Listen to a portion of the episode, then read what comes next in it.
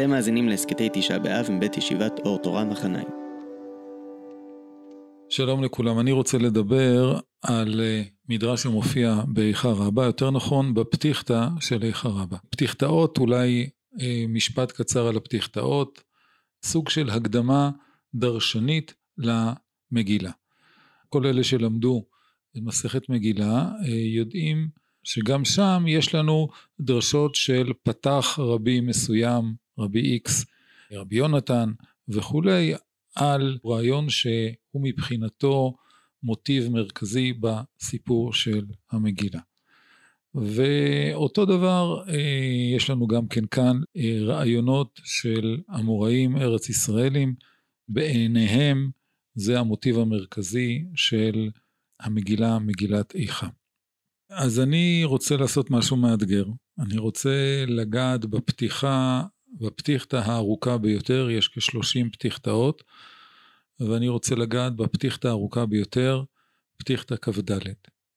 וגם מתוך הפתיחתא הזאת אנחנו לא נלמד אה, ולא נעסוק בכולה, אלא אנחנו נעסוק בדרשה של רבי שמואל בר נחמני, שהיא מופיעה במהדורות הקלאסיות, אז אנחנו מדברים על אה, דף ו עמוד ב', עמוד 12, בטור שמאל, למטה אמר רבי שמואל בר נחמני, והדרשה שלו מתארכת עד לסופה של הפתיחתא בדף ז עמוד ב', עמוד 14. אז uh, הדרשה הספציפית הזאת היא של רבי שמואל בר נחמני, מתלמידיו של רבי ישוע בן לוי, אנחנו מדברים על דור שני של המורה ארץ ישראל בלוד, המאה השלישית לספירה. רובה של הדרשה הזו היא סיפור. הסיפור, אה, אפשר לומר לו סיפור דמיוני, שבשעה שחרב בית המקדש בא אברהם לפני הקדוש ברוך הוא. ואברהם מגיע בוכה, ממרץ זקנות, מכה את פניו, קורע את בגדיו, מהלך בבית המקדש, סופד וצועק. ואומר לפני הקדוש ברוך הוא, מפני מה נשתניתי מכל אומה ולשון שבאתי לידי בושה וכלימה זאת. זה בעצם הפתיח של הסיפור. הסיפור הזה מכיל כמה סיפורים בתוכו, אבל התבנית המרכזית שלו זה שהאבות כולם, לא רק אברהם, אלא גם יצחק, גם יעקב, ומצטרף אליהם לאחר מכן משה, באים בתלונות, באים בביקורת מול ריבונו של עולם, ומבקשים שהקדוש ברוך הוא ירחם על ישראל. והם באים בטענה שלפחות האבות חוזרת על עצמה מבחינת הנוסח שלה. וכל אחד מהאבות מסיים את הטענה שלו במילים ועתה לא תזכור לי זאת לרחם על בניי? אז אנחנו מבינים מהנוסח הזה, כל אחד מהאבות, אברהם, יצחק ויעקב, רואה באירוע מסוים איזושהי זכות עצומה וגדולה, שהזכות הזאת היא אמורה להוביל בפני הקדוש ברוך הוא שיזכור את זכות האבות הזו לכל אחד ואחד מהם, ו... אה, יגאל את ישראל, ירחם על ישראל ויוציא אותם מהגלות. לעומת האבות, למשה רבנו אמירה אחרת מול הקדוש ברוך הוא. הטענה שלו כלפי הקדוש ברוך הוא היא טענה כזו: ריבונו של עולם, כתבת בתורתך ושור עושה אותו ואת בנו לא תשחטו ביום אחד, ולא כבר הרגו בנים ואמותיהם כמה וכמה ואתה שותק. הוא פונה לבבלים. יש לזה הקדמה מאוד גדולה שמשה כמנהיג אה, גוער ונותן מוסר לכל מי שלא עזר לישראל, אפילו לשמש שהכתה אותם בדרך וייבשה אותם במסע, וכמובן מול הכסדים וכרגע מול הבבלים שהרגו את הבנים ואת אמותיהם בבת אחת. אז כאמור, יש לנו את שלושת האבות, שיש מכנה משותף לטענות שלהם, שהזכרתי אותו מקודם, ואתה לא תזכור לי זאת לרחם על בניי, והטענה של משה, שהקדוש ברוך הוא לא מקיים את מה שבעצם הוא ציווה לישראל בציווי של אותו ואת בנו לא תשחטו ביום אחד. אני אגלה שלא האבות ולא משה רבנו מצליחים לעורר את רחמיו של הקדוש ברוך הוא. ולא מתרחשת גאולה, לא מתרחש שינוי אה, לאחר הטענות שלהם.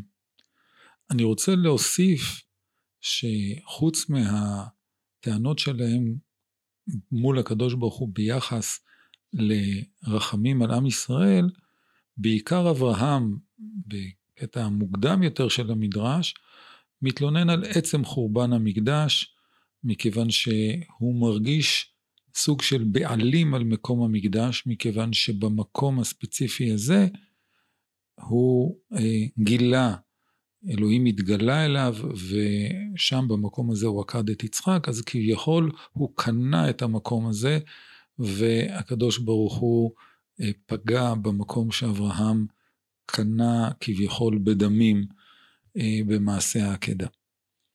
אז פה יש התייחסות לחורבן המקדש, אבל רוב רובם של הטענות זה מדוע אתה לא ריחמת על הבנים. וכאן מגיעה הדמות החמישית, והדמות החמישית היא אישה, רחל אימנו.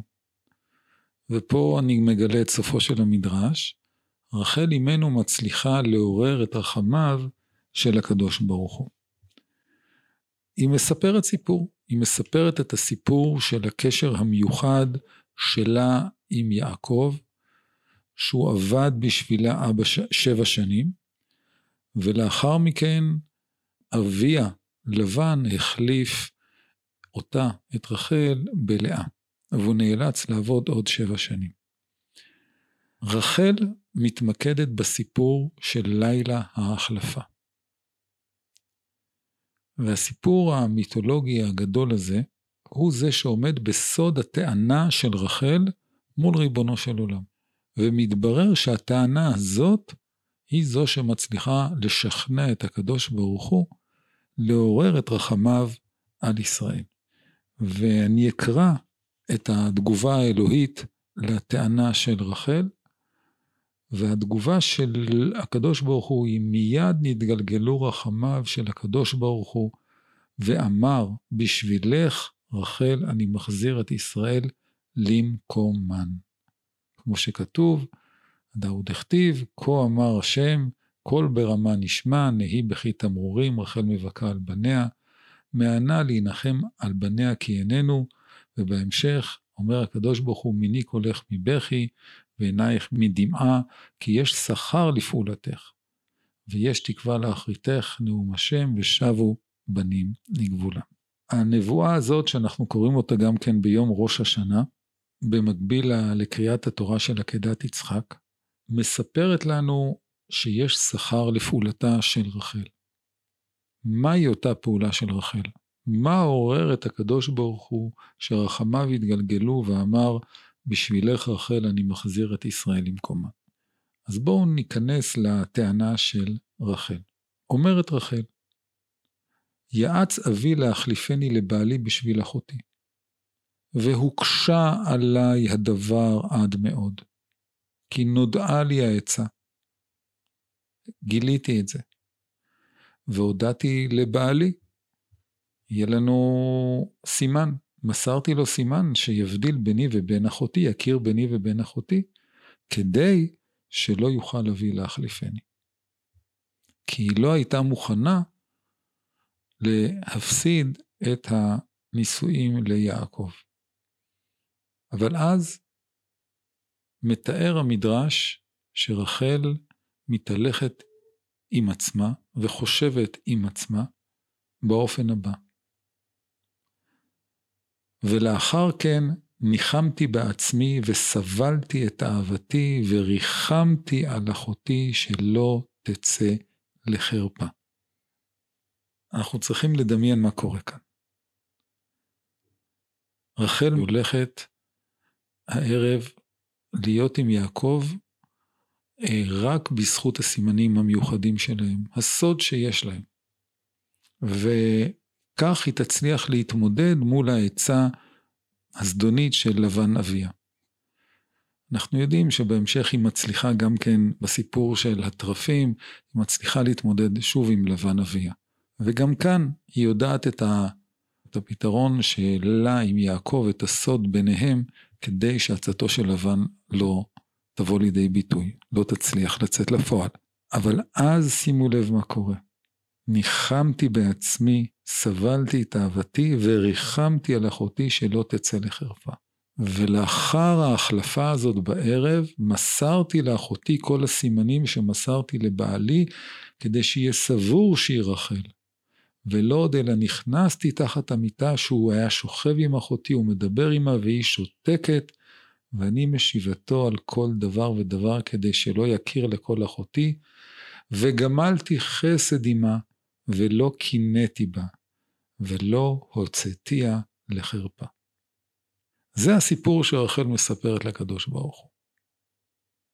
היא מתארת את השינוי הפנימי, את התהליך שהיא עברה, עם איזו התמודדויות והתחבטויות והתגברויות היו בנפש שלה כדי להעביר את הסימנים לאחותה. והיא אומרת לריבונו של עולם, ומה אני שאני בשר ודם, עפר ואפר, לא קינאתי לצרה שלי, לאחותי, ולא הוצאתיה לבושה ולחרפה. כבר פעם שלישית שאנחנו פוגשים את המילים בושה וחרפה, יותר נכון את המילה חרפה. ואתה מלך חי וקיים, רחמן, מפני מה קינאת על עבודת כוכבים שאין בה ממש, והגלית בניי, ונהרגו בחרב, ועשו אויבים בם כרצונם. ואז מול הטענה הזאת נתגלגלו רחמיו של הקדוש ברוך הוא. הזכרתי את המוטיבציה הגדולה של רחל כדי שאחותה לא תתגלגל לחרפה. אני רוצה לטעון שכמובן זה לא אה, ניסוח מקרי, מכיוון שהדרשה עצמה מתחילה, התחלתי וקראתי אותה, בטענה של אברהם מול הקדוש ברוך הוא, מפני מה נשתניתי מכל אומה ולשון שבאתי לידי בושה וכלימה זאת. זו הטענה הבסיסית של אברהם. והשאלה הגדולה שמתעוררת בסיפור הזה שסיפרתי לכם, שמול החורבן של בית המקדש, מול הגלות של עם ישראל, אה, יש לנו את האבות, שלושת האבות ומשה ואת רחל, כשרק רחל מצליחה לעורר ולגלגל את רחמיו של הקדוש ברוך הוא מחדש, מתעוררת השאלה המאוד פשוטה, מה קרה כאן שרחל הצליחה והאבות ומשה רבנו לא הצליחו? אז אם נעמיק רגע בטענות של אברהם ויצחק ויעקב, אז אנחנו נמצא שיש שני סוגי טענות. הטענה של אברהם ויצחק היא טענה, אפשר לומר, לא לגמרי זהה, אבל המכ... יש לה מכנה משותף, וזה עקדת יצחק. יצחק אומר לריבונו של עולם, כשאמר לי אבא אלוהים יראה לו עשה לעולה בני, לא עיכבתי על דבריך. ונעקדתי ברצון ליבי על גבי המזבח, ופשעתי צווארי תחת הסכין, אני בעצם קיימתי את הציווי האלוהי, לא עיכבתי על דבריך, ולא תזכור לי זאת ולא תרחם על בניי. הוא מעורר כאן את מה שנקרא את, אה, את מידת הזיכרונות, שאנחנו מזכירים גם כן בראש השנה, בתפילת אה, מוסף. ועם אותה טענה גם כן מופיע אברהם, כפי שהזכרנו, ולא תזכור לי זאת, לא תרחם על בניי, באופן שבו הוא מתאר שנעשיתי אכזרי ולא ריחמתי עליו. אני בעצם קיימתי את מה שציווית אותי. שניהם אומרים, אנחנו קיימנו את הציווי האלוהי. אני רוצה לטעון שאפשר לפרש את הטענה של אברהם באופן נוסף, וזה, אני הייתי אכזרי, אני לא ריחמתי עליו. אבל כאילו אברהם כביכול אומר לריבונו של עולם, אבל אני זה אני, אני בן אדם, אני צריך לעשות את הציווי שלך, אני הייתי אכזרי, כי אני אדם, אבל אתה לא יכול לרחם על בניי? כך נראה לי שאפשר לקרוא את זה, למרות ששוב, המוטיב זה לא תזכור לי זאת ולא תרחם על בניי, זה בנאמנות של אברהם בעקדת יצחק. אז שניהם מדברים על עקדת יצחק ובמסירות שלהם לציווי האלוקי. יעקב מזכיר את המוכנות שלו גם כן בעניין מוות מול עשיו, שעשיו מבקש להרוג את בניו והוא מוסר את עצמו למיתה, הוא מגן עליהם. הוא מביא כאן דוגמה כמו אה, תרנגול שמגדל את האפרוחים, וסבלתי עליהם צער גידול בנים. הוא מתאר את מה שהוא סבל, את כל הסיפור של יוסף והאחים. רוב ימיי הייתי בצער גדול בעבורם. לא תזכור לי זאת לרחם על בניי?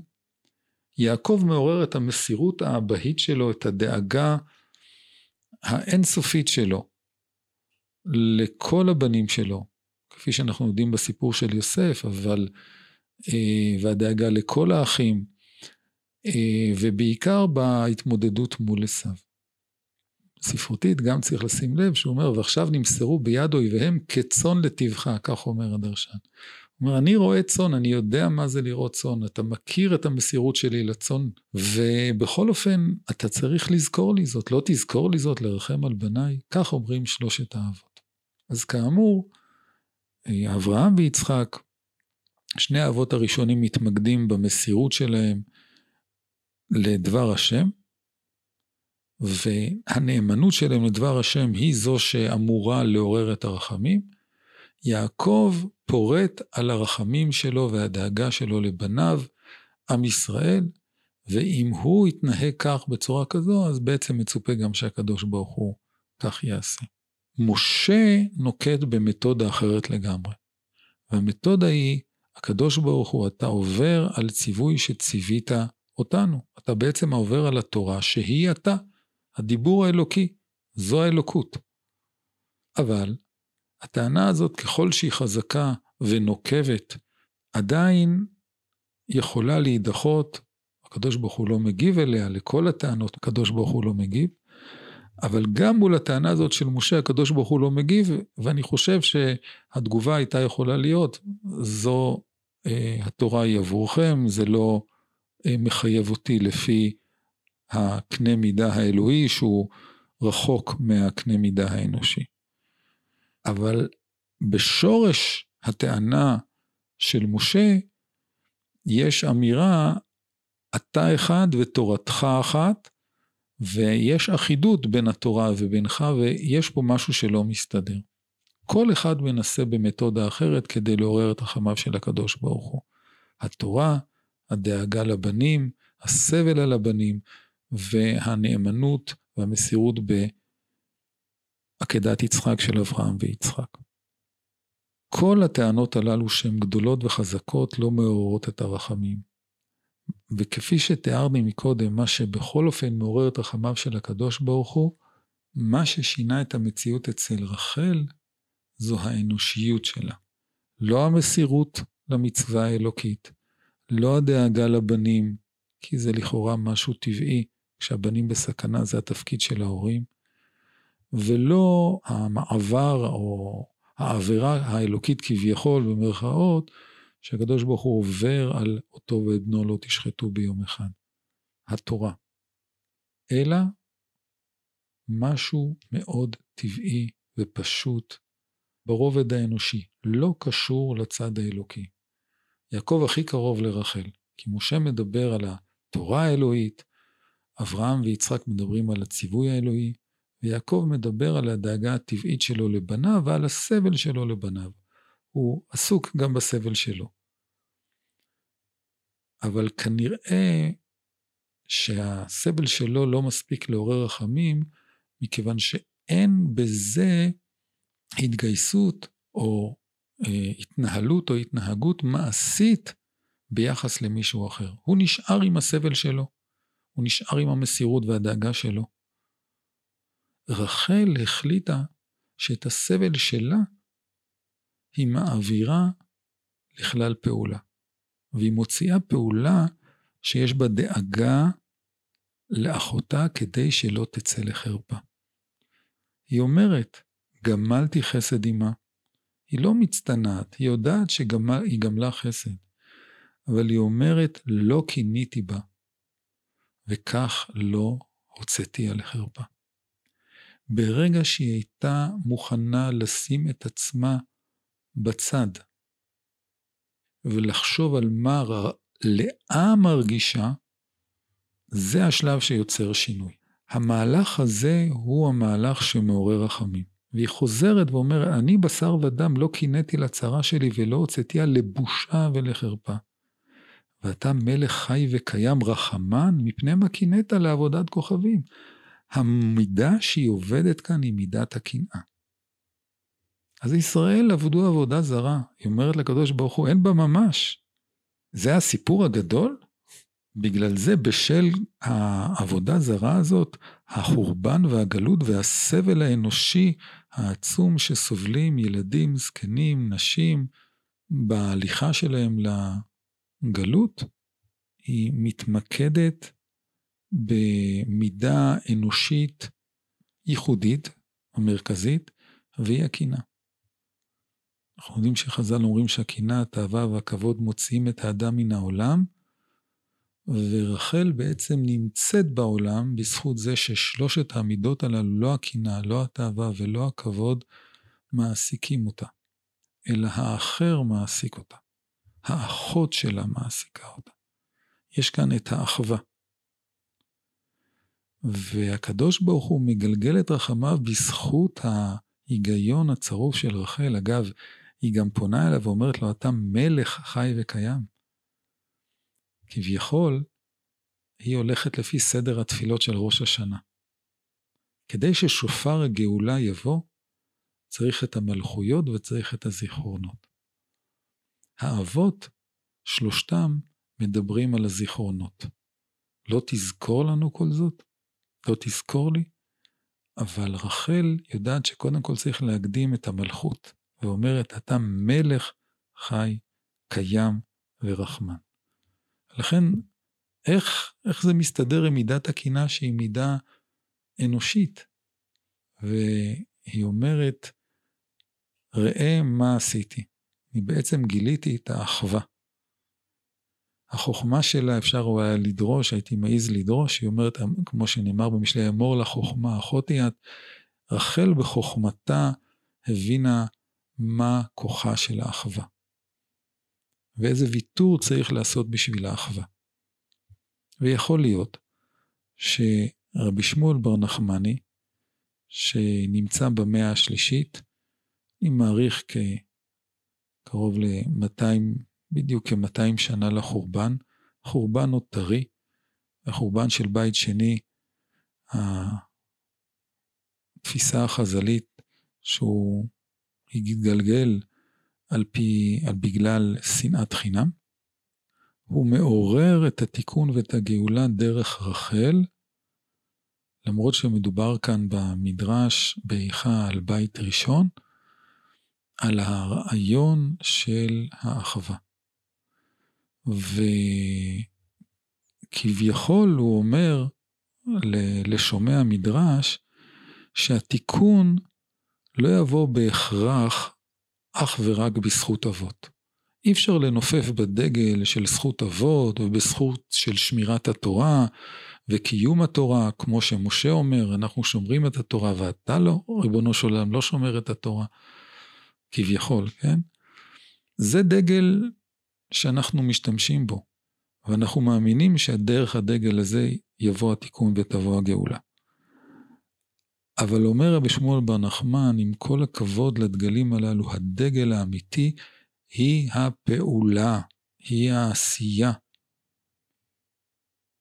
וזה לא אה, ההקפדה אך ורק על קיום התורה והמצוות, כפי שאבות ומשה אומרים, אלא ההתנהלות האנושית שרואה את האחר, בעיקר את בני המשפחה הקרובים, מזה, מזה אנחנו מתחילים.